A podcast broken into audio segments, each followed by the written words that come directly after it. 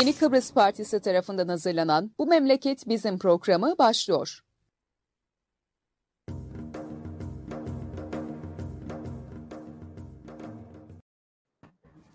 Evet, Yeni Kıbrıs Partisi'nin hazırlayıp sunduğu Bu Memleket Bizim programının 153. özel yayınındayız. Ee, birkaç program yapıp bırakacaktık ama e, Derya ile bile dördüncü program oldu. birkaç tane Dördüncü oldu bu. Ee, bugün ben Murat Kanatlı, Derya Bayatlı ile beraberiz. Ee, artık herhalde bir ömrümüz buralarda geçecek. Öyle gösterir. Günaydınlar. Günaydınlar. Nasılsın? Memleketin hali ortada. Senin halini sor dedim ama memleketin haliyle muhtemelen paralel bir diye tahmin ettim. Evet. Tam bir kaos. Tam bir kaos. Evet. Başlamadan önce insanlara tekrardan rica ederim, bizi seyredenlere e, canlı yayınları YKB'nin Facebook sayfasından, Twitter'in periskopundan ve YouTube'dan paylaşırsanız bu görüşler ve düşünceler daha çok insana ulaşır. Bu nedenle her ne zaman seyrediyorsanız bu yayınları lütfen paylaşın ki daha çok insana ulaşabilsin değilim. Evet, bir şey söylüyordum, buyur. Ee, yok şeyler dördüncü program mı oldu bizim birlikte yaptığımız diye bir yorum yaptıydım. Ee, aylık diye başladıydık, yılbaşında başladıydık galiba. Her ay e, Avrupa Parlamentosu'nda e, olanları değerlendirelim dediydik. E, Türkçe diliyle başladık. E, hellim konusunu konuştuk. Arada bir program daha yaptık ama onun konusunu bak şimdi hatırlayamadım. Birinci programı 26'sında yaptık. 26 Kasım'da yaptık.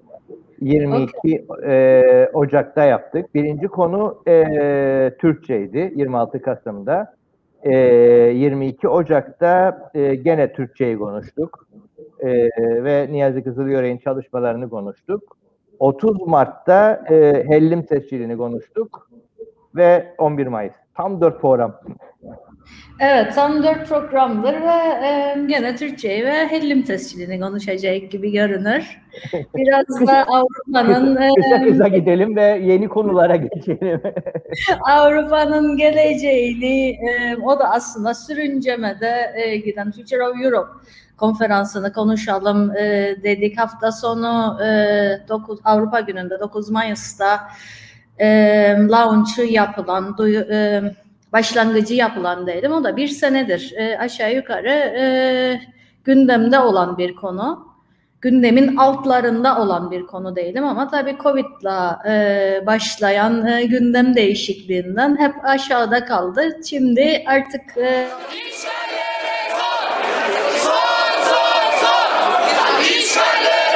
Yeni Kıbrıs Partisi tarafından hazırlanan Bu Memleket Bizim programı başlıyor. Çok konuştun biraz da ben konuşayım demekti bu Murat.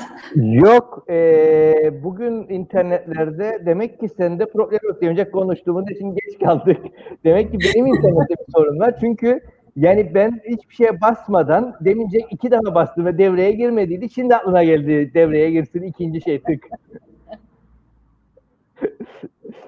İnternet şeylerinde. Evet, Avrupa şeyi söylüyorsun. Avrupa'nın geleceğini e, Avrupa'nın geleceği konferansı da işte böyle e, bu şekilde sekteye uğradı bir yıldır ve e, 9'unda başla start aldı. E, onunla ilgili de konuşalım diyecektim. Böyle programa e, giriş yaparken biraz o da sekteye uğradı. Evet hızlı başlayalım. Hellim'le başlayalım. Çünkü sıcaktı gene Kıbrıs'ın koşullarında gene e, unutulanlar şeyine girdi e, durumuna girdi. Ee, unutulanlar değil aslında. Ee, belki bir e, sonuca bağlandı diyelim Hellim e, konusu. Ee, geçtiğimiz ayın 12'sinde Avrupa Komisyonu iki tane e, regulation, iki tane karar e, aldı. Ve bu kararları 20 gün sonra geçtiğimiz günlerde çünkü kararın alındıktan sonra uygulamaya girmesi tabii bütün dillere tercüme edilmesini e, gerektiren bir süreç var. Burada hemen söylemeden geçemeyeceğim. Türkçe dışında 24 tane e, dile. Türkçe'ye birazdan e, hellim e, hikayesinin aslında gelelim. E, yani tabii bizim e, çok önem verdiğimiz bir e, kampanya, Türkçe kampanyası, Türkçenin abedili olması e, kampanyası. O yüzden benim hayatımın da bir parçası aslında. Yıllardır mücadele verdiğim bir konu olduğu için böyle yeri geldikçe de e, konuyu e, oraya getiririm. Birazdan e, Avrupa'nın Geleceği konferansını konuşurken de e, değineceğim Türkçe kampanyasına ama şimdilik elimle e, devam edelim. 24 tane dile tercümesinden sonra işte 20 gün gibi bir süreci var. Alınan e, kararların, kabul edilen e, yasaların uygulamaya girmesinin. O da e, ayın e, 4'ü 5'iydi sanırım uygulamaya girdi. Neydi bu iki karar? Bir tanesi Yeşil Hat tüzüğünün e, değişiklik kararıydı. Yeşil Hat tüzüğü e, hemen hatırlatalım. 2005 yılın, 2004'ün sonunda e, uygulamaya giren ama daha fazla 2005'te aslında e, tam olarak e, işlemeye başlayan, ağır aksak e, işleyen kuzeyden güneye e, ürünlerin satılması. Sadece kuzeyden güneye olan e, ürünleri içerir. Kıbrıs'ta üretilmiş e, veya substantially improved diye bir e, kelime var orada. E, üzerine bir e, üretim sürecinden geçmiş ve bu üretim sürecinden geçerken de ürün başlığı değişmiş. Ürünlerin e, hareketini içerir. Kuzeyden e, güneye hareketini içerir sadece. Bunun içerisinde 2004 yılında uygulamaya girdi dedik. Canlı e, et ve süt ürünleri, canlı e, hayvan, alkol e, gibi ürünler e, mümkün değil. Daha sonra e, balık ve bal dahil edildi. Et ve süt ürünü olmasına rağmen bal ve balık için bir e, ayrıcalık yapıldı. Bir derogation e, verildi ve dahil edildi. E, 2008 yılıydı yanlış hatırlamazsam. Bal ve balığın dahil edilmesi. E, şimdi de helyum bir e, süt ürünü olarak e, dahil edildi. Bu yapılan değişiklikle. Tabii bunun eş zamanlı olması hellimin tescil edilmesiyle coğrafi olarak tescil edilmesinden bahsediyoruz hellimin. Her iki tarafta da üretilen hellim, hellim ve hallumi isimleriyle tescil edildi. Bu da şu demektir, sadece Kıbrıs'ta üretilen hellim e, Avrupa pazarına girebilir demektir. Bu e, bu süreç içerisinde geçen programda da konuştuk. Bayağı tartışmalar oldu. İşte bu bizim için iyi miydi, kötü müydü? İki devlet e, e, savunanlar buna e, karşı çıktılar. İşte bizim için e, iyi olmayacak. Hatta e, bayağı bu konuda bilgi kirliliği de, bilinçli bir bilgi kirliliği olduğunu düşünüyorum, e, yapıldı yerel pazarda bile artık biz hellim satamayacağız. Çünkü Kıbrıs Rumlar bize izin vermeyecek. Çünkü Avrupa Komisyonu bize izin vermeyecek. Bizim zaten kriterlerimiz e, bu yönde değil şeklinde. Bayağı bir e, tartışmalar ve e, bilgi kirliliği yaratıldı. Ancak e, günün sonunda her iki tarafta da eş zamanlı olarak Yeşilat Tüzüğü'yle e, Yeşilat Tüzüğü'ndeki değişiklikle birlikte e, bu iki e, karar komisyon tarafından e, uygulamaya girdi. Bu da dediğim gibi şu demektir. Sadece Kıbrıs'ta üretilen ama belli koşullarda üretilen buna da e, bir e, açıklık getiren geçen defa da konuştuyduk. E, yine konuşalım. Eğer siz diyorsanız ki bu ürün benim e, geleneksel ürünümdür. Benden başkası üretmesin. Çünkü Avrupa pazarından bahsederek, rekabete açık bir pazardan e, bahsederek siz eğer e, böyle bir iddiada bulunuyorsanız bunu alabilirsiniz. E, şampanya örneğini veririm ben hep bu e, konuda. Şampanya sadece Fransa'nın şampan bölgesinde üretilen köpüklü şaraba verilebilen bir isimdir. Bunun da belli kriterleri vardır. İşte belli bir üzümden üretilecek, belli alkol derecesi olacak. Bunları geleneksel olarak hellim için de aynı süreç çalıştı. Geleneksel olarak nasıl üretilir saydı o şekilde e, üretilmesi gerekiyor. Bu da ne demek? Daha çok bildiği e, şampanya değil de gonyak. yani go, gonyak gonyak den ama e, burada brandy üretin. Yani go, gonyak üretemem mesela Kıbrıs'ta. Evet, e, mesela Zivaniya Kıbrıs'ın bildiği başka bir şey. Zivaniya'nın da tescili yapılmıştır. 2008 yılında Zivaniya'nın e, tescili de yapıldı. Sadece Kıbrıs'ta Zivaniya üretilebilir. Biz hiç bu tartışmanın içerisinde yer almadık.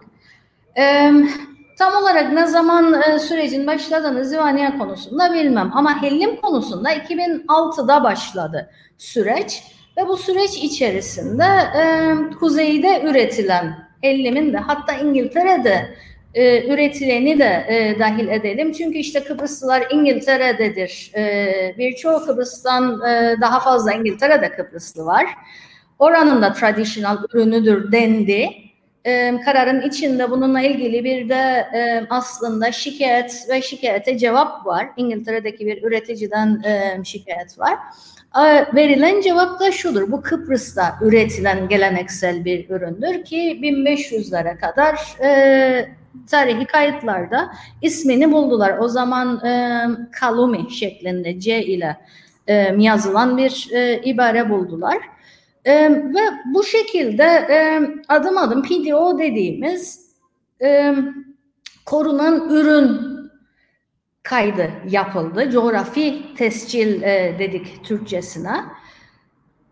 Geçmişte ne şekilde yapılıyorsa geleneksel olarak ona en azından e, en yakın şekilde e, yapılması gerektiği ve belirli e, koşulları bu videonun içerisinde yer aldı. İşte bunlardan en çok tartışma yaratandan e, bahsedelim.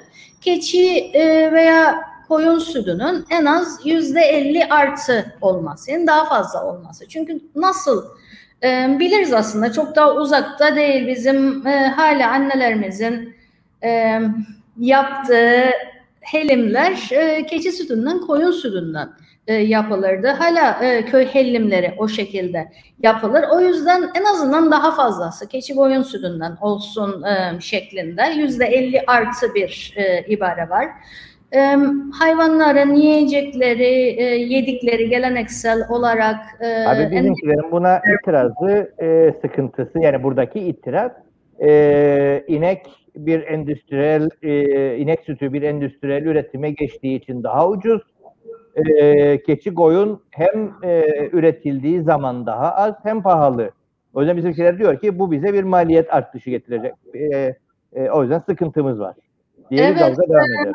Doğrudur. E, sadece endüstriyel ürün olduğu için değil, e, inek sütü daha yağlı bir süttür. O yüzden daha az kullanılır. Çünkü belli yağ oranı da var. Bu belirlenen ürünün her şeysi belirlenmiş, kuru maddesi belirlenmiş, içinde olması gereken yağ oranı belirlenmiş, hatta içine nane konulacak şeklinde. Kıbrıs nanesi, taze veya kuru, her şeysi belirlenmiş. Küçükbaş hayvanın e, buradaki e, sıkıntısı şudur daha az e, yağlı olduğu için daha fazla süt gerektirir. Artı o kadar e, süt aslında şu anda Kıbrıs'ın ne kuzeyinde ne de güneyinde yok. E, bir diğer sıkıntısı da e, olan sütü de sisteme e, aktarmıyoruz. Çünkü geleneksel olarak e, yapıl, yapılıp e, dağıtılan yoğurtta, hellimde, e, aile içinde olsun, köydeki satışlar olsun oralarda kullanılıyor. O yüzden de e, daha az. Tabii bir de e, yaz aylarında daha düşük oluyor. E, küçükbaş hayvanın e, sütü gibi e, böyle bütün ayrıntılarını da öğrendik tabii bu sürecin içerisinde. Evet. Ee, peki yani şu aşamada pratikte bazı süreçler tamamlandı e, hayvancılar da belli bir itiraz bir şey koydular. Şimdi bitti bu süreç. E, veya bir şey başladı pratikte yoksa pratikte henüz başlamadı. Ekim'e kadar bir Ekim'e kadar bir geçiş e, geçiş dönemi değil aslında. Geçiş dönemi demeyelim adına. Çünkü 2024'e kadar bu yüzde 50'lik e, geçiş dönemi yüzde 30 olarak belirlendi. E, ee, 2024'e kadar yüzde 30 olarak e, keçi boyun sütü bulunabilir. 2024'te artık yüzde 50 artı koşulu aranacak. E, 1 Ekim'den itibaren şimdi şöyle iki tane e, bağımsız akredite, uluslararası akredite kurum. Bir tanesi Biro Veritas. Bunun ismini de e, şeyin içerisinde, yasanın içerisinde e, geçiyor, kararın içerisinde geçiyor. Bir diğeri de ki onun da Büro Veritas olacağını düşünüyoruz ama henüz o e, kesinleşmiş değil. Yine akredite bir kurum. E, denetimleri yapmak üzere e, atanan, atandı Büro Veritas atandı, diğer kurumda e, atanacak. Bu denetimler bir tanesi işte az önce bahsettiğimiz Hellim'in sağlaması gereken e, özellikler, coğrafi tescili alabilmesi için adına hellim denebilmesi için sağlanması gereken özellikler bu Büro Veritas tarafından kontrol edilecek. Büro Veritas'a üreticinin önce gidip kayıt olması gerekiyor e, ve gelip Büro Veritas'ın bunu e, kontrol etmesi gerekiyor. Bir diğeri de ee, Avrupa Birliği'nin tabii her konuda vardır ancak gıda konusunda çok daha sıkı et süt ürünü söz konusu olduğu zaman daha da sıkı olan sağlık sanitari e, dediğimiz sağlık e, kriterleri, koşulları vardır. Bir diğer kurum da bu koşulların e, sağlanıp sağlanmadığını, ABS standartlarında hijyenik e, üretim yapılıp yapılmadığını bir taraftan, diğer taraftan da tabii hayvan refahı da e, Avrupa Birliği için çok önemli. Hayvan refahına da e, uygun e, kriterler belirlenmiş. Bu kriterlerde üretim yapılıp yapılmadığını da kontrol edecek. E, yani aslında dört set kriterden bahsederiz. Üç tanesi e, Hellim'in üretim kalitesiyle ilgili. E, bir tanesi de Hellim ismini verebilmemiz için işte e, Konyak'tan bahsettik, Zivanya'dan bahsettik, Şampanya'dan bahsettik. E, Prosecco'su var İtalyanların, Mozzarella'sı var. Bu, bu isimleri alabilmek için belirlenmiş kriterler. Bunların kontrolleri, kayıtları bu sistemin kurulması için Ekim'e kadar, bir Ekim'e kadar bir e, süre verildi. Bir Ekim'den sonra e, hem kuzeyde hem de güneyde artık e, bu e, PDO uygulamaya girecek değilim. O zamana kadar e, aynı şekilde devam ediyor süreç. Üretim süreçleri. Evet. E, halimiz de bu. Tabii e, burada çok ciddi karıştırırız. Çünkü çok fazla tartışmadığımız için ama e, hatırlatma babında e, sen mi e, söylediydin yoksa kiminle tartıştığımızı hatırlamam ama e, bu ürün geçişleriyle ilgili tabii iki tane önemli şeyler e, var. Biri nereye gideceğiyle ilgili.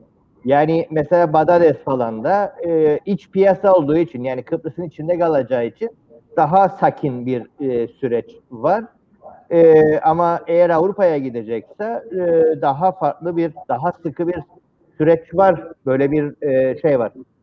Aslında sıkılık değil. Bu tamamen e, Kıbrıs'ın kuzeyinin konuya yaklaşımıyla ilgilidir. E, ve bu konuda da çok fazla yalanlar var. E, çünkü bizim e, zamanında üç tane tüzük vardı hatırlayacaksın. 2004'te e, Kıbrıs AB üyesi olurken referandumların hemen ardından 3 tane e, tüzük olmadan önce aslında 26 Nisan'da 3 tane tüzük önerilmişti. Bunlardan biri direkt ticaret tüzüğüydü. Mausa'dan e, ürünlerin çıkmasıydı. E, ve bu tüzük yasal zeminde sıkıntıları olduğu için o gün bugündür askıdadır.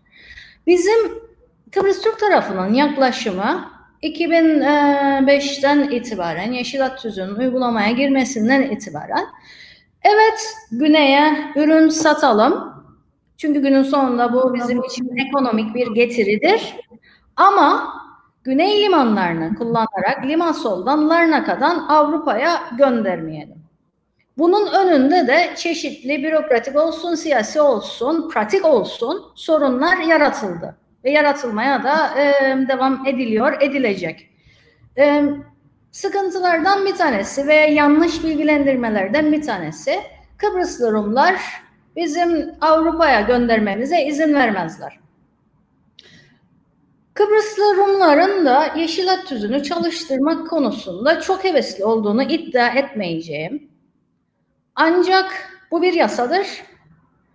Avrupa Komisyonu'nun yasasıdır. Kıbrıs Cumhuriyeti bir üye devlettir bu yasayı uygulamak zorundadır. Uygulamazsa bunun Ekonomik yaptırımları var, yasal yaptırımları var. Avrupa Komisyonu da bunu denetlemekle görevlidir. Evet sıkıntılar var, sıkıntılar yaratılıyor. Ancak Larnaka'dan da Limassol'dan da geçmişte Avrupa'ya ürün gönderildi. Ee, bu Avrupa Komisyonu'nun raporlarında da var. Avrupa Komisyonu'nun yıllık Yeşil Hat raporları vardır. Bu raporlar e, halkada açıktır. Web sitelerinde de var. Girip oradan da bakabilirler. Ticaret Odası'nın, Kıbrıs Türk Ticaret Odası'nın verdiği bir belge var. Accompanying Document'tir ismi. Onun altında yeşil atıcı için verilir bu belge sadece. Onun altında iki tane kutucuk var. Bir tanesi Kıbrıs'ta tüketim için yazar. Diğeri de Avrupa'ya e, gönderilmek için yazar. Tam olarak oradaki e, cümleleri hatırlamıyorum ama biri Kıbrıs'ta tüketim içindir, öteki Avrupa'ya tüketim içindir. Bu belge Avrupa'ya göndermek içindir. Bu belgeyle Güney'de bu da e, yine söylenen yanlış bilgilerden biri, yayılan yanlış bilgilerden biri. Güney'de şirket kurması gerekir Kıbrıs'ta Türk'ün. Yok öyle bir şey. Bu belgeyle Limansol'dan Larnaka'dan nereden çıkacaksa ürün çıkabilir. Ticaret Odası Avrupa Komisyonu tarafından yetkilendirilmiştir ve bu belgeyi vermek için hem Kıbrıs Cumhuriyeti'ne gidecek olan ürünlerde hem güneye geçecek olan ürünlerde hem Avrupa'ya gidecek olan ürünlerde şunun altını çizmek istiyorum. Bir fark yoktur arada. O da Avrupa pazarıdır. Kıbrıs Cumhuriyeti'ne geçtiği anda, güneye geçtiği anda Avrupa pazarındadır zaten bu ürün ve serbest dolaşıma girer artık. İhracat değil aslında Limasol'dan çıkan. İşte bunlarla ilgili e, dediğin gibi ciddi bir manipülasyon, e, ciddi bir şey var.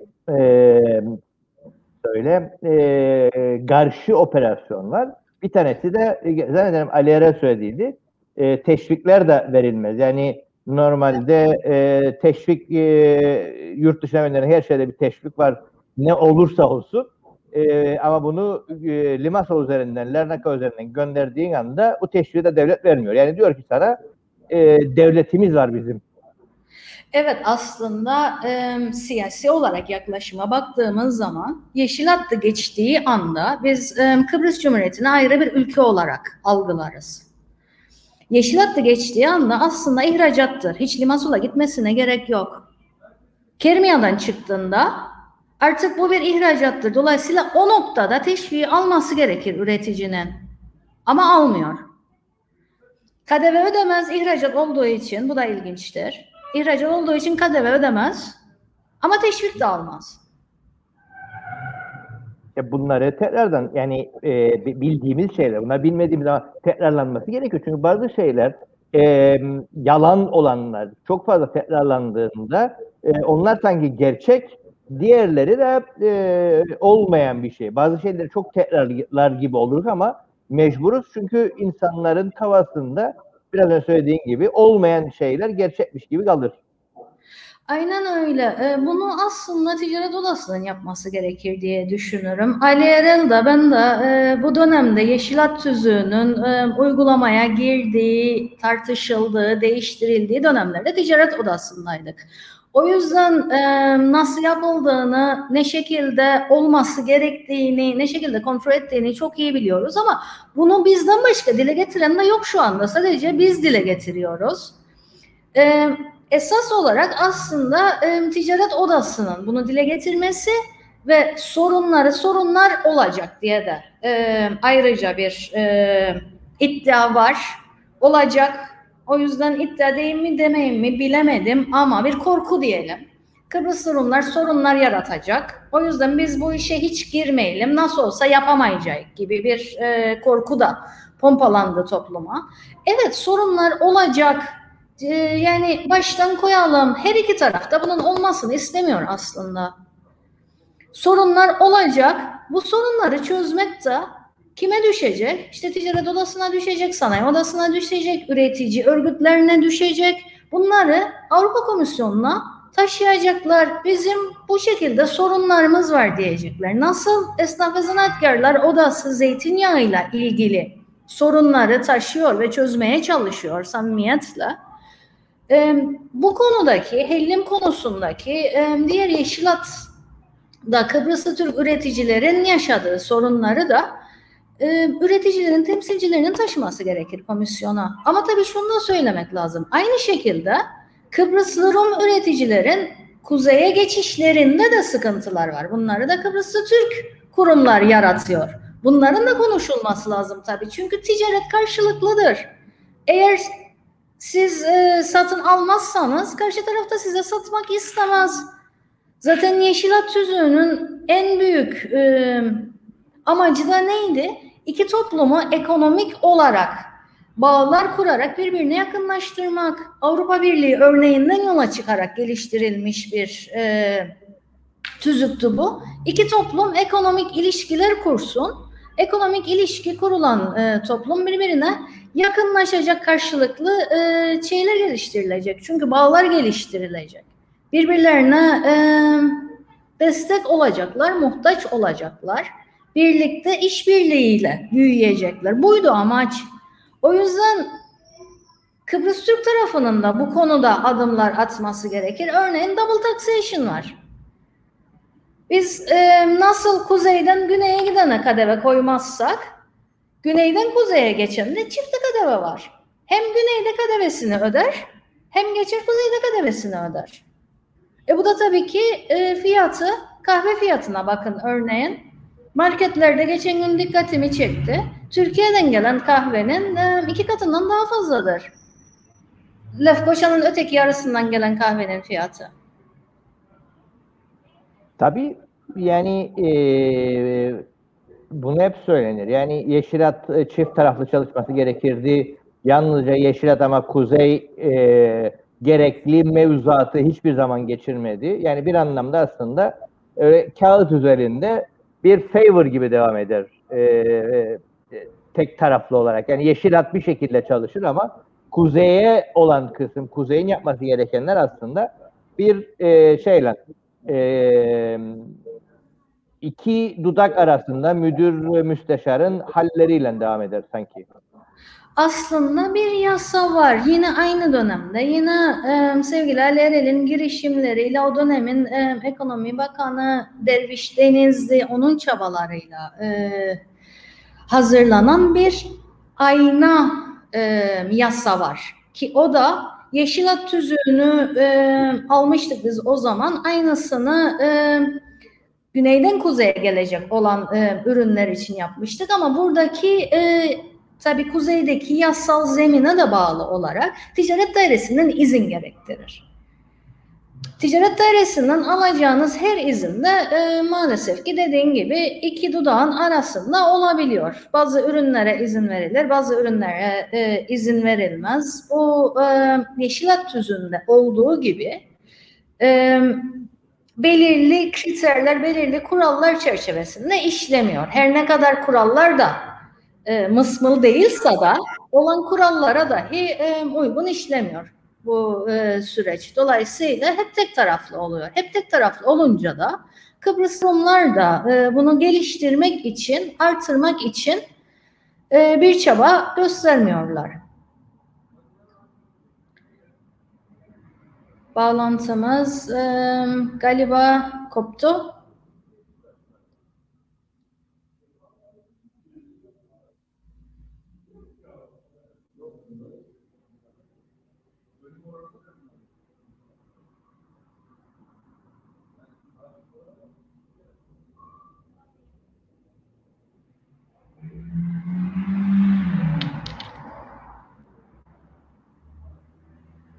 Bugünle ilgili bir şey gider gelir bir lanet var bir şey var.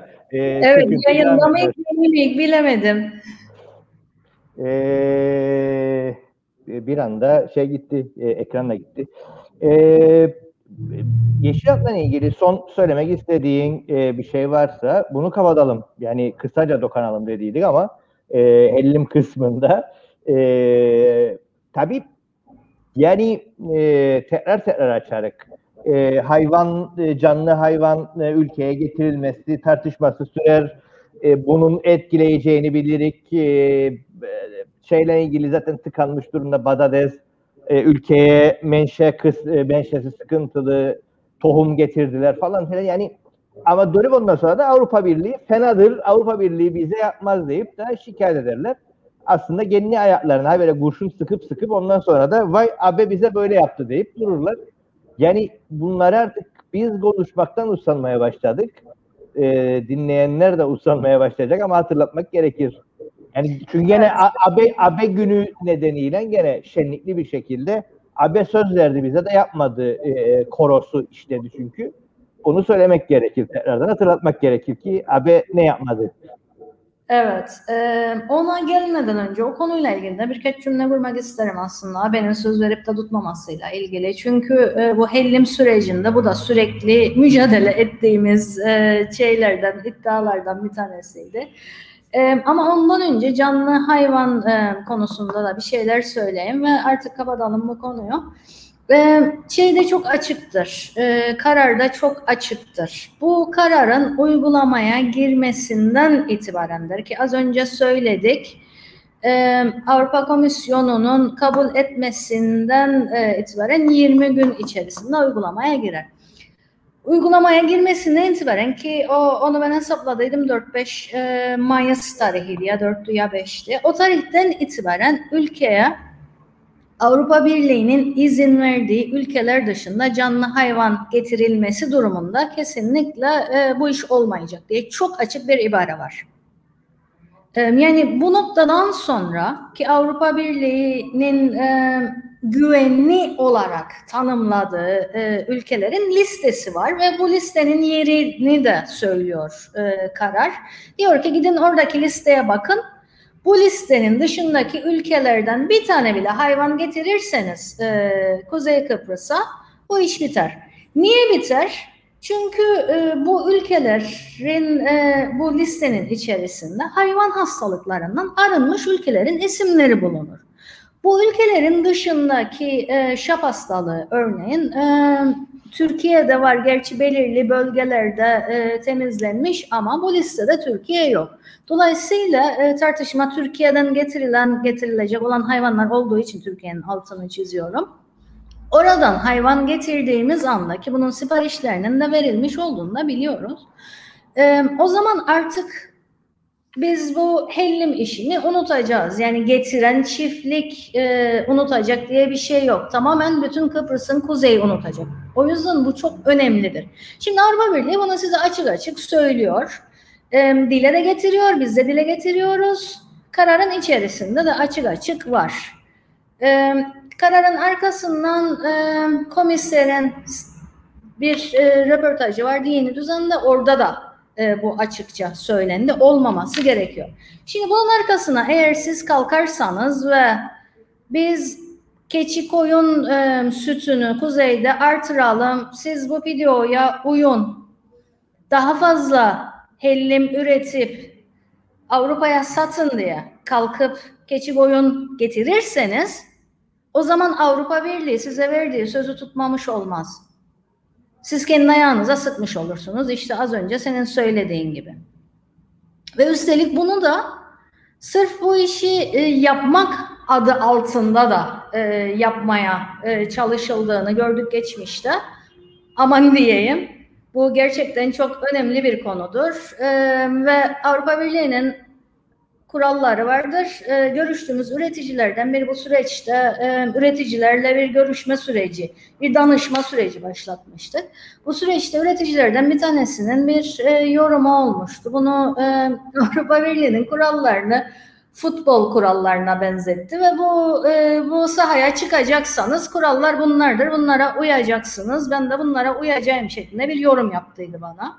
Kurallar bunlardır. Eğer e, bu hellimi satacaksak da bu kurallara uymamız gerekir.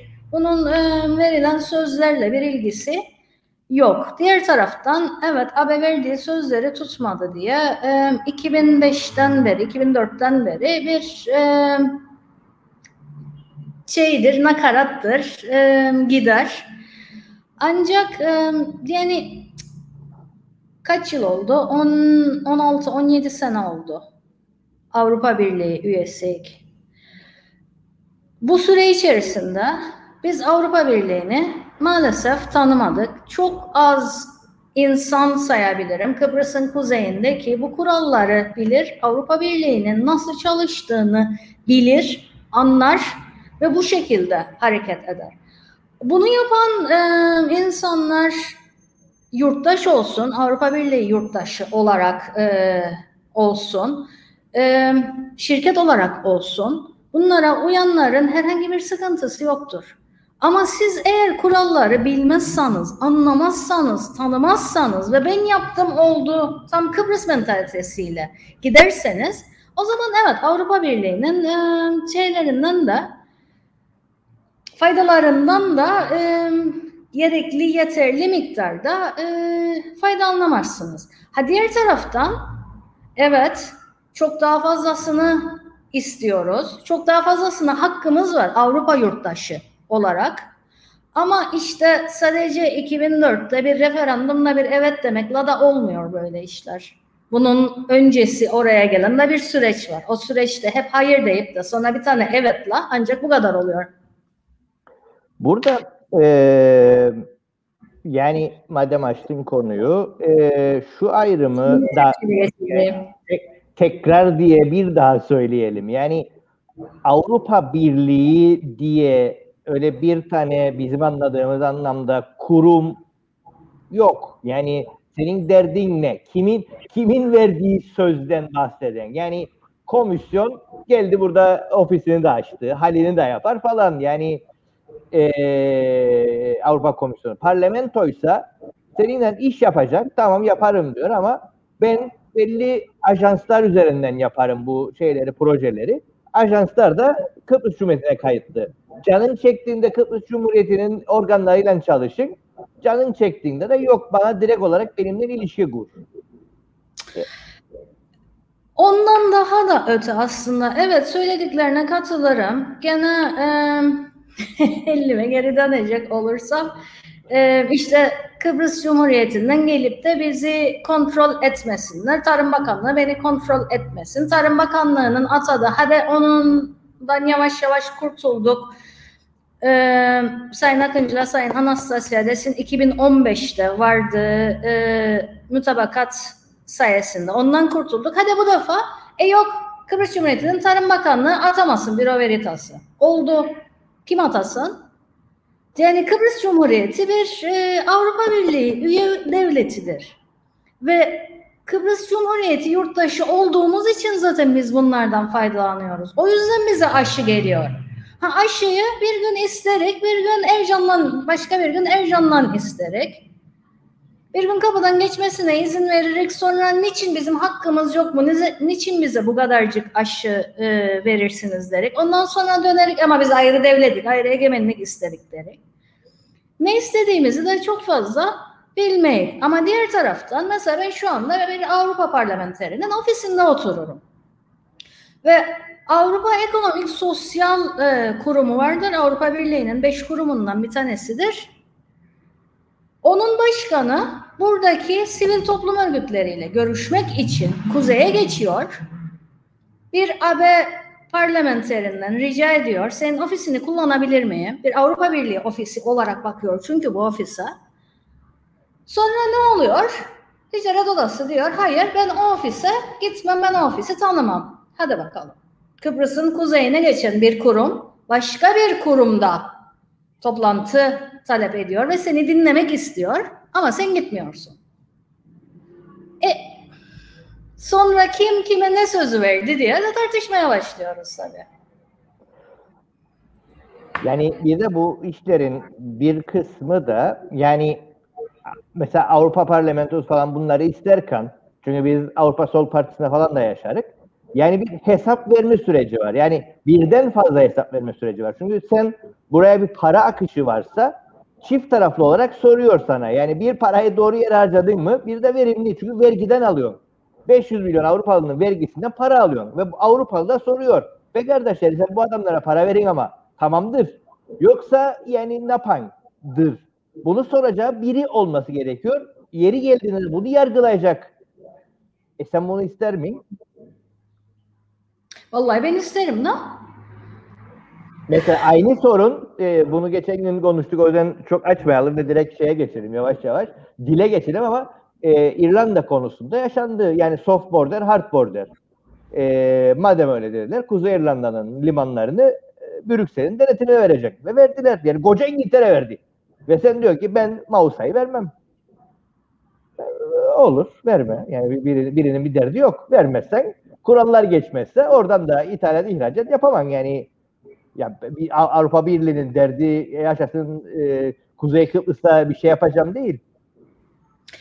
Yani değil tabii ve özellikle e, bu hellim sürecinde çok açık tanık olduğum için tekrardan ki geçmiş süreçlerde de aslında tanık oldum. Avrupa Komisyonu bize rağmen Kıbrıslı Türk yönetime rağmen Kıbrıslı Türklerin haklarını savunmak için ciddi bir çaba sarf etti. Yani bu olan Yeşilat'taki bu e, değişiklik videonun içerisinde Kıbrıs'ın kuzeyinde üretilen ürünlerin akredite uluslararası bir e, firma tarafından kontrol edilmesi.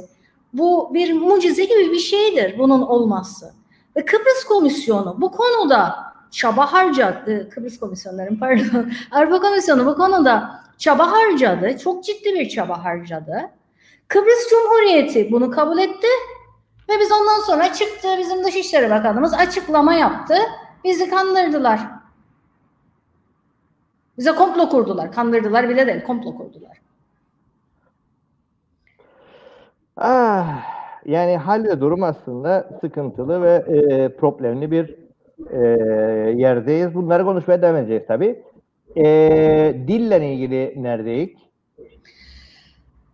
Dille ilgili e, aslında biraz sürecinde e, açılmasına, Covid dolayısıyla e, getirilen kısıtlamaların da biraz e, rahatlamasını e, bekledik. Diğer taraftan da tabii hellim sürecine girince sonuçta e, bir Avrupa Parlamentosu'nun bir e, milletvekili Kıbrıs'ın kuzeyinde bir tane temsilcisidir uğraşan e, bu konuyla hem e, dil konusuyla hem e, tabii Brüksel'de de e, bir ofisimiz var. Oradaki arkadaşlar da e, çaba gösteriyorlar ama kuzeyde e, biraz önceliklendirme yapmak durumunda kaldık. E, o yüzden biraz e, sekteye uğradı dil konusundaki mücadelemiz ama e, şu anda Kıbrıs'ın e, kuzeyinde başlattığımız bir aslında Kıbrıs'ın kuzeyinde başlatmadık duyurusunu e, Kıbrıs'ın kuzeyinde 33 örgütle birlikte yaptık bir imza kampanyamız var. E,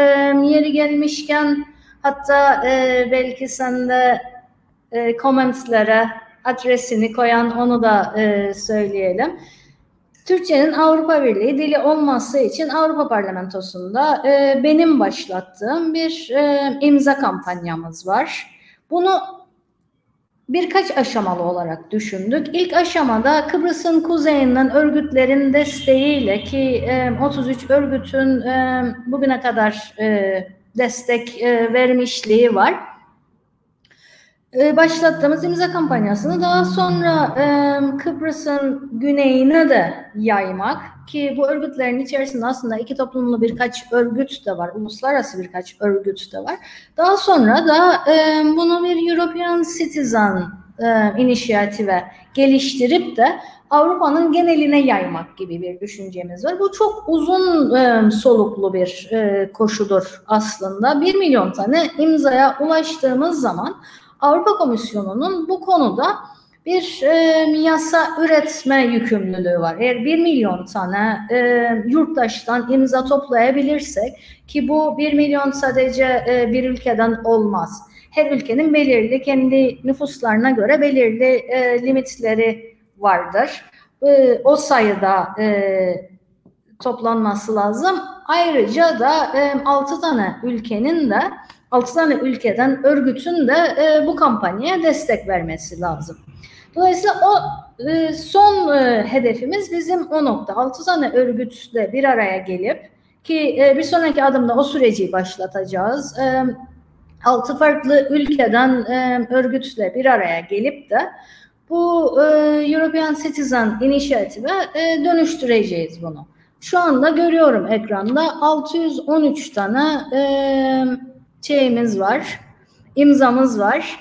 bunu Kıbrıslı Türkler olarak çok daha yüksek noktalara taşıyabiliriz diye düşünüyorum. Evet biraz zor e, bu imzayı atmak ama biraz zor. Çok da zor bir süreç değil bu.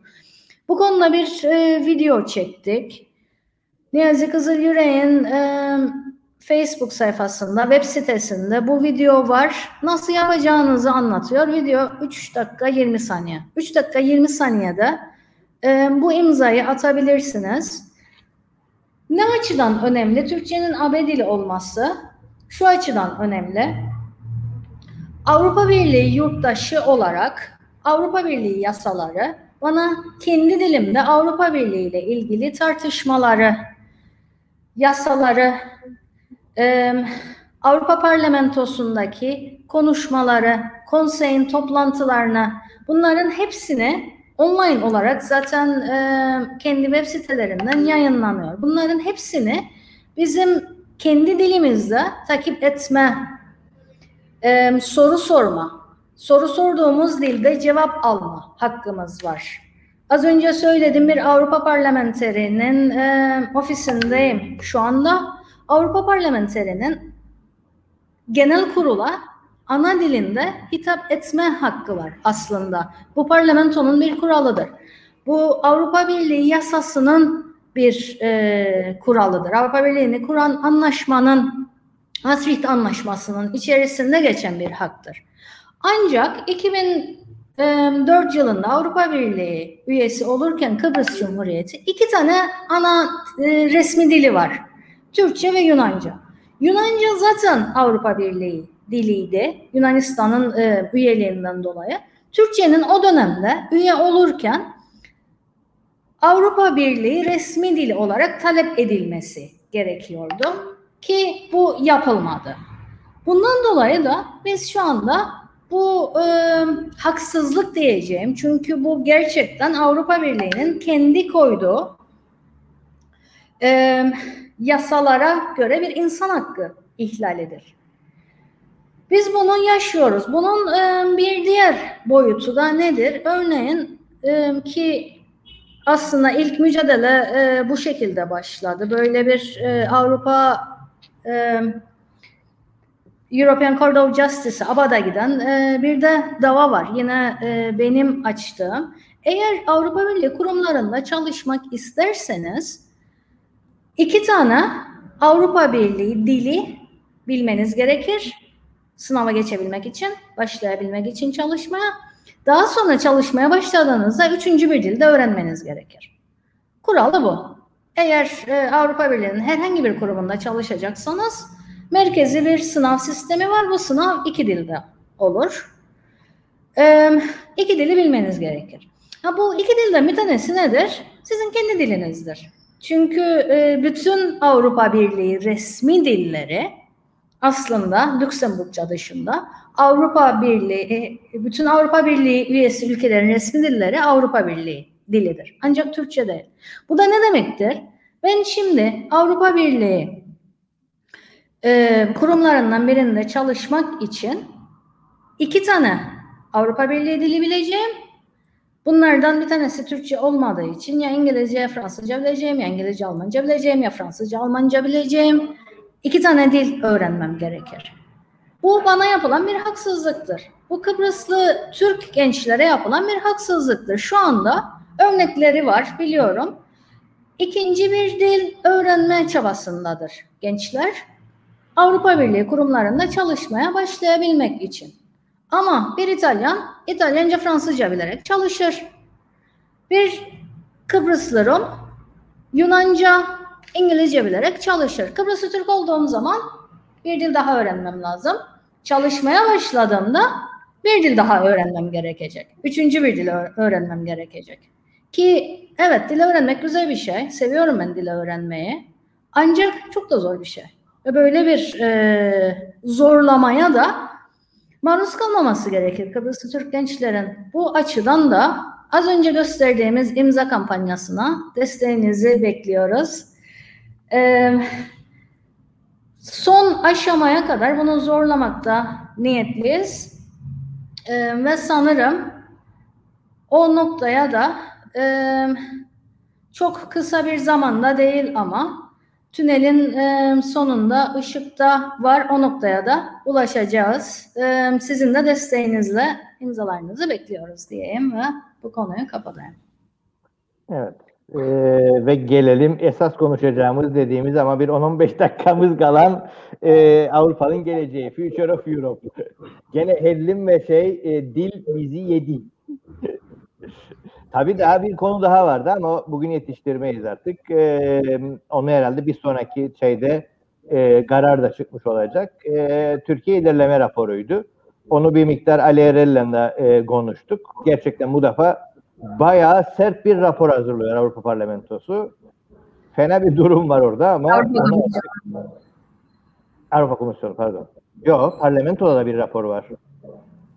İlerleme raporunu komisyon hazırlar. Ee, bir de parlamentoda var.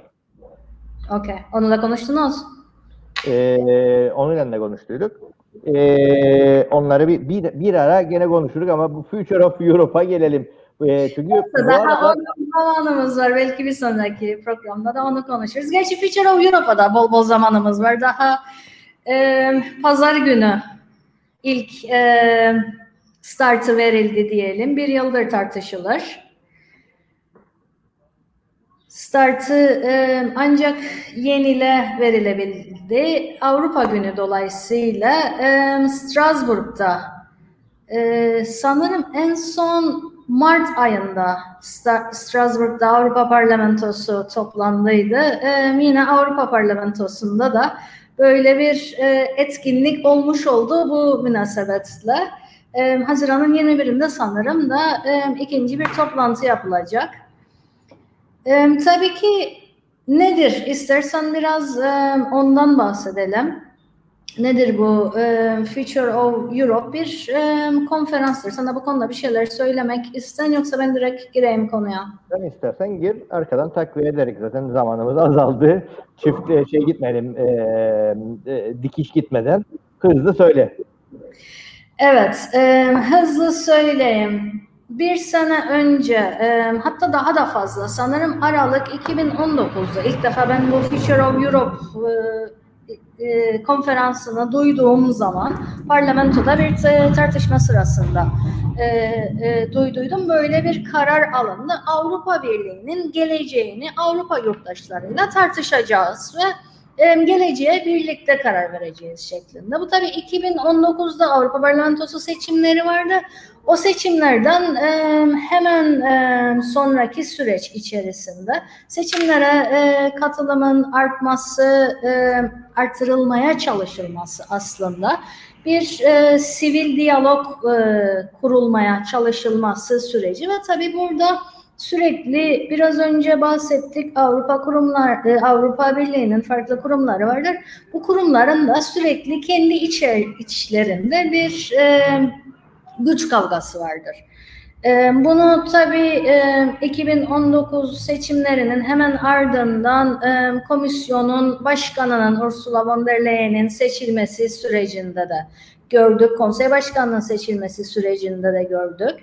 E, parlamentonun, konseyin ve komisyonun e, böyle sürekli yıllardır giden bir e, güç kavgası vardır ve tabii ki parlamentonun durduğu noktada duruyorum ben de. E, parlamento direkt seçilmiş üyelerden oluşur.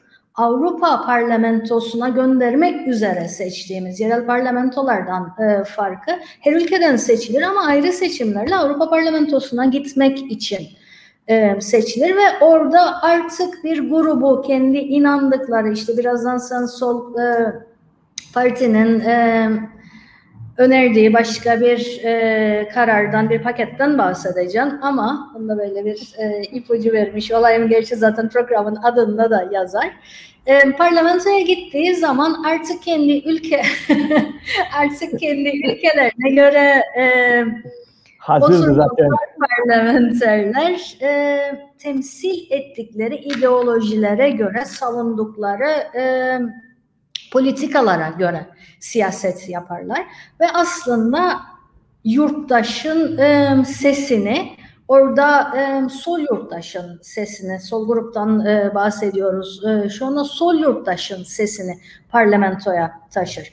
Avrupa Parlamentosu'nun da e, bu noktada daha kapsayıcı, daha demokratik, e, daha yurttaşa yakın bir e, duruşu vardır. Komisyondan da, e, konseyden de, komisyon da biraz e, o noktaya gelmeye çalışır ama e, komisyonun komiserlerini veya komisyon başkanını ülkenin kendisi atar. Ee, Almanya Alman komiseri atar, Kıbrıs Kıbrıslı komiseri atar, e, İtalya İtalyan komiseri atar. Dolayısıyla bu seçilmiş bir e, doğrudan demokrasi değildir. Yine bir seçilmişlik var tabii hükümetler de se, e, seçilir ama doğrudan demokrasi değildir. Dolayısıyla e, şu andaki tartışmada ki e, bu Avrupa'nın geleceği konferansının başlamasının uzamasının da nedenlerinden biri Covid ise bir diğeri de budur.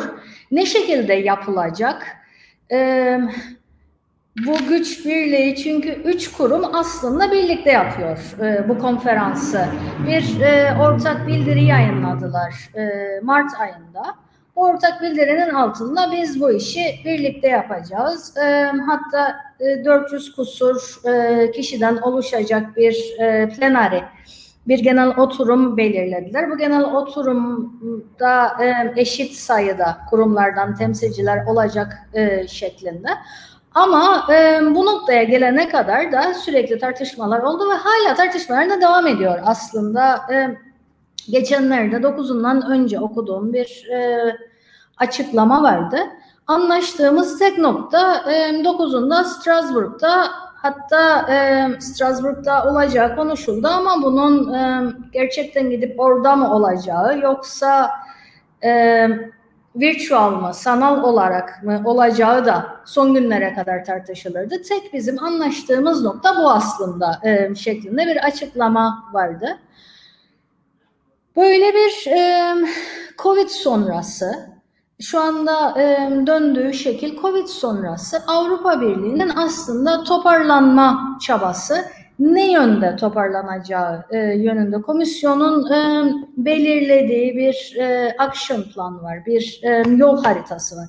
Bu yol haritasının içerisinde öne çıkan e, yeşil e, büyüme var, yeşil ekonomi var ve dijitalizasyon var ki bu da e, Covid e, pandemiyle şekillendi aslında. Onun e, hemen arkasına tekrardan bir değişti. Bir Covid e, Emergency Fund oluşturuldu. Onun tartışmaları da devam etti. Şu anda bu e, Avrupa Birliği'nin geleceği konferansında tartışmalar yapılacak.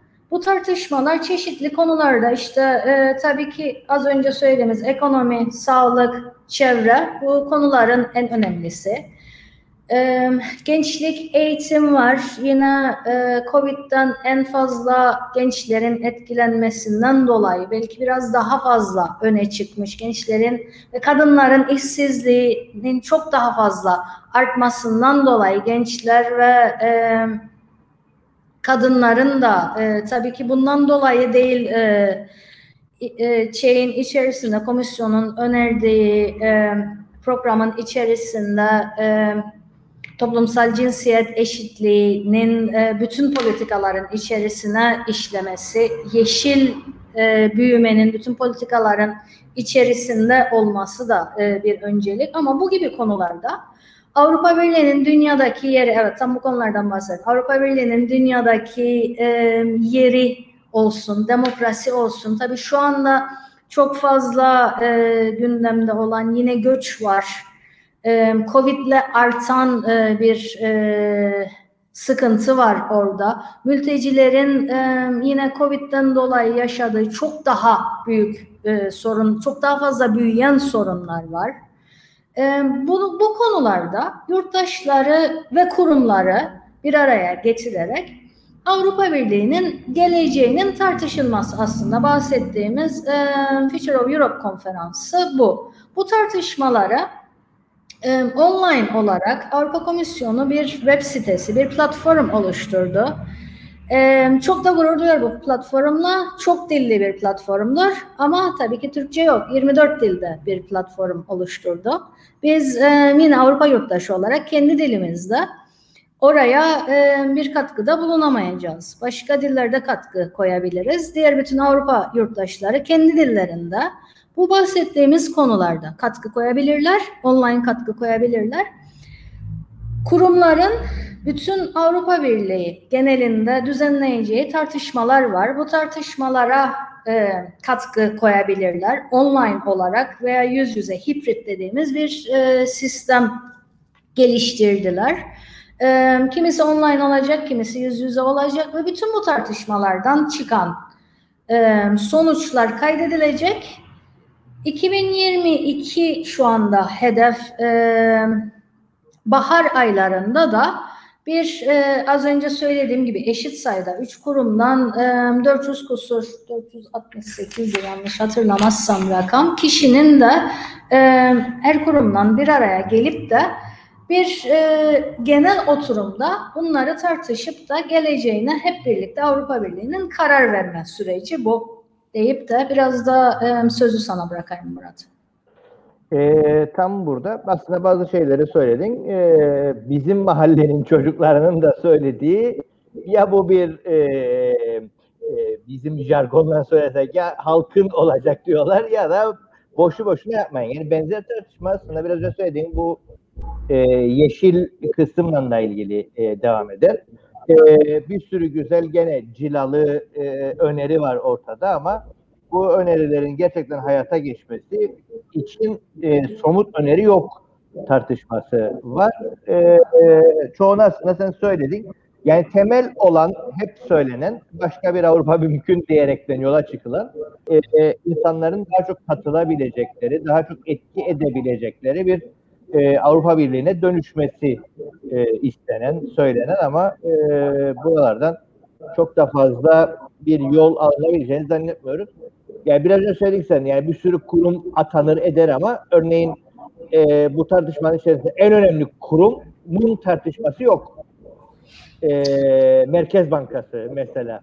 Merkez Bankası Başkanı'nın nasıl atanma süreci olduğu, e, kararlarının nasıl denetleneceği kısmı mesela yok. Yani ona tokanmıyorlar. Yani geleceğini tartışıyorlar ama paranın olduğu yere tokanmayacak. Yani orada bir şeyimiz yok.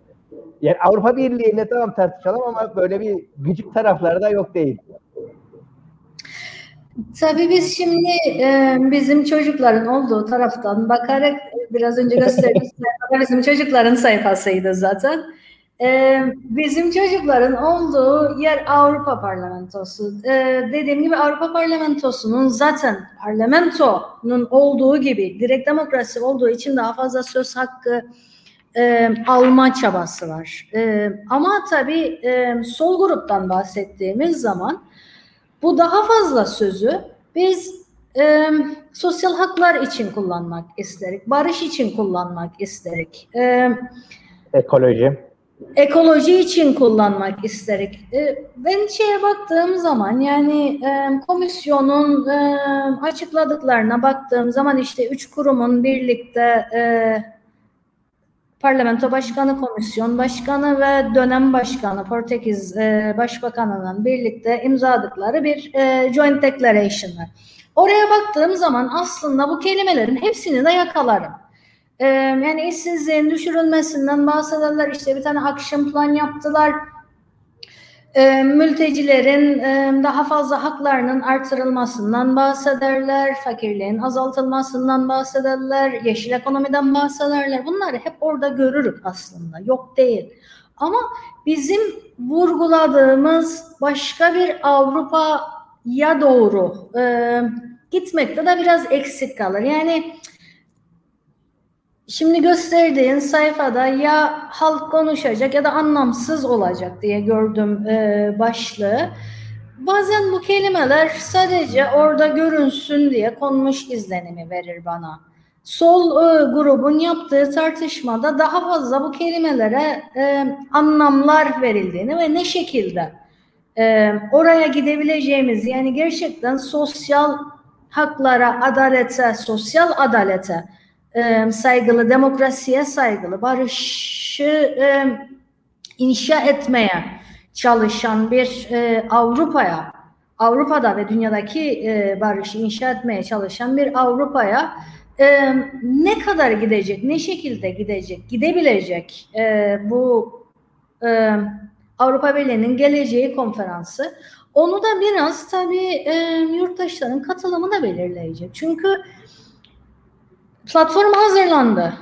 Gidip e, burada yurttaşlar direkt olarak platforma seslerini duyurabilirler. Avrupa Parlamentosu'ndaki temsilcileri aracılığıyla duyurabilirler. Kendileri bu biraz önce saydığım konularda 9 tane konu var. Bu 9 tane konuda bir e, etkinlik düzenleyerek bu etkinliği orada duyurabilirler. Etkinliğin sonuçlarını yine Avrupa parlamenterleri aracılığıyla genel oturuma, genel kurula taşıyabilirler. Bu biraz da yurttaşların ne kadar e, sorumluluk aldığına da bakacak bir süreç bence. Yani bizim Türkçe kampanyasında yurttaşların aldığı sorumluluğu gördüğüm zaman biraz da hayal kırıklığı e, olabilir diyesim var. Öyle bir dert var ama e, tabii e, bizim mahalleden bizim evin içine gelirsek bizim evde e, yakası olarak e, sol gruptur, e, şeydir, e, sol partidir, Avrupa Sol Partisi'dir. E, bizim özellikle bu yürütme falan toplantılarında çok konuştuğumuz kısım, bütün bu anlattıkların var. Yani e, açıklamalarda da var, niyette de var ama mesela Covid bu dayanışmanın yürümediğini çok net gösterdi. Bu e, sosyal politikaların yürümediğini yani niyet ve açıklamalarda olmasına rağmen baktığında paket çok geç çıktı. Paket ihtiyaç olan zamanda şeyleri desteklemedi gibi e, veya ekolojiyle ilgili kısımda evet bir niyet var, pratiği yok ortalıkta. E, kaygı bu biraz da yani itiraz da bu. E, şey de bu. Muhalefet de bu. Yani biraz ee, imaj çalışması var ortada. Şey yok. E, pratikte bunun yürümesine dair e, bizi umutlandıran bir durum yok. Özellikle bu Covid'de hayata geçenlere baktığımızda. Tabii bunu biraz da kendi evimizin içinden biraz daha küçültelim evi. Kendi gerçeğimize baktığımız zaman beni heyecanlandırır. Yani birinin sesimi dinlemek için bana mikrofon uzatıyor olması her ne kadar e, kendi ana dilimde bunu dile getiremesem de bu mikrofonun bana da uzanıyor olması açıkçası beni heyecanlandırır. O yüzden orada bir platform var. Bu platformun kullanılması da e, yurttaşlara da bağlı olacak e, demem o yüzden. Ama diğer taraftan da yine Avrupa Birliği'nin tabii e, bu aşı sürecinde gördük mesela piyasadaki e, aşılar Avrupa Birliği üyeleri için Avrupa Komisyonu topladı. Yani evet bir e, dayanışma var, bir Avrupa Birliği e, dayanışması bir taraftan var ama Covid'in ilk başlarında daha aşıya gelmeden örneğin ilaçlar, Covid ilaçları, solunum makineleri kara borsadaydı. Kim kaparsa onun elinde kalırdı. Yani biraz da herkes kendi ülkesini ki bu gene tabii Avrupa Birliği'nin kurumlarının gücünün tartışmasına da baştan bağlanabilir. Kendi ülkesinin çıkarlarını maksimize etmeye çalıştığını gördük aslında. ilk aşamada Avrupa Birliği üyesi ülkelerin bir sonraki aşamada da Avrupa Birliği üyesi ülkelerin çıkarını maksimize e, etmeye çalıştıklarını gördük. Yani dünyadaki Avrupa Birliği'nin yeri diye de bir e, konu var. Orada sanki biraz sınıfta kaldı Avrupa Birliği bu süreçte diye düşünüyorum. Evet. E, bu konular e, bayağı uzun ve tartışmalı konular. E, Hellim ve şeyde dilde e, biraz uzadık. E, bir ay sonraki şeyde e, bu raporlar falan da çıktığında e, bir daha e, bunları konuşalım. E, çok fazla hellim ve şeye girmeden. E, çünkü gerçekten konuşacak konu var ve ülkede bunları tartışan da bayağı insan e, az kıtlığı var. Böyle de sıkıntının içindeyiz. Zemin yok. Yani eskiden bir miktar daha fazla insan tartışırdı. Artık e, hemen hemen kimse tartışmıyor. Evet, şimdi e, nakaratın işte biz egemen devletiz, egemen devlet olarak AB üyesi e, olalım, AB bizi kabul etsin, yoksa gözlemci bile istemeyip kendini e, nakaratlarının tabii yükseldiği bir dönemde çok Avrupa Birliği konuşacak birilerini bulmak da kolay değil. E, genelde güzel oldu. Hellimi e, Türkçeyi de konuşan çok fazla e, birileri olmadığı için ben özellikle fırsat buldukça bu konularda e, konuşmak isterim. Seve seve konuşmak isterim. Çünkü dediğim gibi e, Türkçe konusunda evet örgütler bize destek veriyorlar. E, ne yazık ki Kızılyürek'in Kuzey Ofisi e, olarak yürüttüğümüz bir çaba var. Örgütlerin desteği var, siyasi partilerin desteği var ama onun dışında bir desteğimiz yok. O konuda biraz e, yalnız aslında bu kavgayı veriyoruz. E, hellim konusunda ise desteği geçtim köstek e, görüyoruz e, bu konuda hellimin e, ilerletilmesi konusunda. Dolayısıyla e, defa defa bunları gündeme e, getirmekten de mutluluk duyuyorum. Teşekkür ederim. Bizim itirazımız yok. Bunları konuşmak gerekiyor ki belki en azından her defasında e, yeni farklı bir insanı yakalarık belki de e, farklı bir insanın aklını karıştırırız. Başka bir şey e, diye sormaya başlayabilirler diye. Umaraktan bunu yapmaya devam edeceğiz. Güzel sohbet oldu. E, bunları konuşmaya devam edeceğiz. Son bir şey eklemek istersen buyur ve günü kapatalım. Son bir şey demek istersem tabii ki e, Hellim'i konuştuk, Türkçeyi konuştuk, Avrupa'nın geleceğini konuştuk. Yurttaşlara çok büyük görev düştüğünü düşünürüm ben. Geleceğimizi inşa etmek için hem Kıbrıs olarak geleceğimizi inşa etmek için hem Avrupa yurttaşı olarak Avrupa'nın geleceğini biz inşa etmeyecek ama katkıda bulunmak için bunu da kullanalım derim. Türkçe e, imza kampanyasına, Türkçe'nin haber resmi dili olması için açtığımız im, imza kampanyasına destek verelim. Komisyonun e, web sitesinden, platformundan, bu iş için oluşturulan platformundan katkı koyalım. Bizim ileride düzenleyeceğimiz bu konuda e, etkinlikler olacak. Onlara katılalım ve sesimizi Avrupa'ya duyuralım. Çünkü bizim geleceğimiz Avrupa'dadır, başka bir yerde değil. Evet, e, güzel bir yerden bırakmış olalım. E, bugünkü yorumlarda Mustafa Gelenler ve Emine Kral Sevim'den de iyi yayınlar dileği mevcuttu. E, sohbet güzeldi. Bir ay sonra zaten belli ki gündem artarak devam edecek. Özellikle bu raporlar çıktıkça bunları konuşmaya, tartışmaya devam edeceğiz. Muhtemelen ee, sonraki programda sadece raporu tartışacak ve bunun e, Kıbrıs'ın kuzeyine etkilerini Kıbrıs'ın kuzeyine şenlik hallerini konuşacak. Şenlik hallerini, evet. Evet, biz bu yayınlara daha önce söylediğimiz gibi pazartesi, çarşamba, cuma rutin devam edeceğiz. Ee, o yüzden yarın da e, Mustafa Hami ile beraber sağlık sisteminin durumunu konuşacağız. Saat 5'te. Ee, Bayram Seyran ile e, pek e, işimiz olmuyor. O yüzden Cuma günü de yayınlara devam edeceğiz e, Kemal Güçveren ve Miray Mesudoğlu ile beraber e, ülkedeki son gündemi konuşmaya, tartışmaya devam edeceğiz. Onlarla beraber. Çünkü e, sürekli olarak da gündem değişir. Artık başlık koymakta bile zorluk çekmeye başladık. Biz bir şey konuşacağımıza karar verdiğimizde aslında başlık değişmiş oluyor.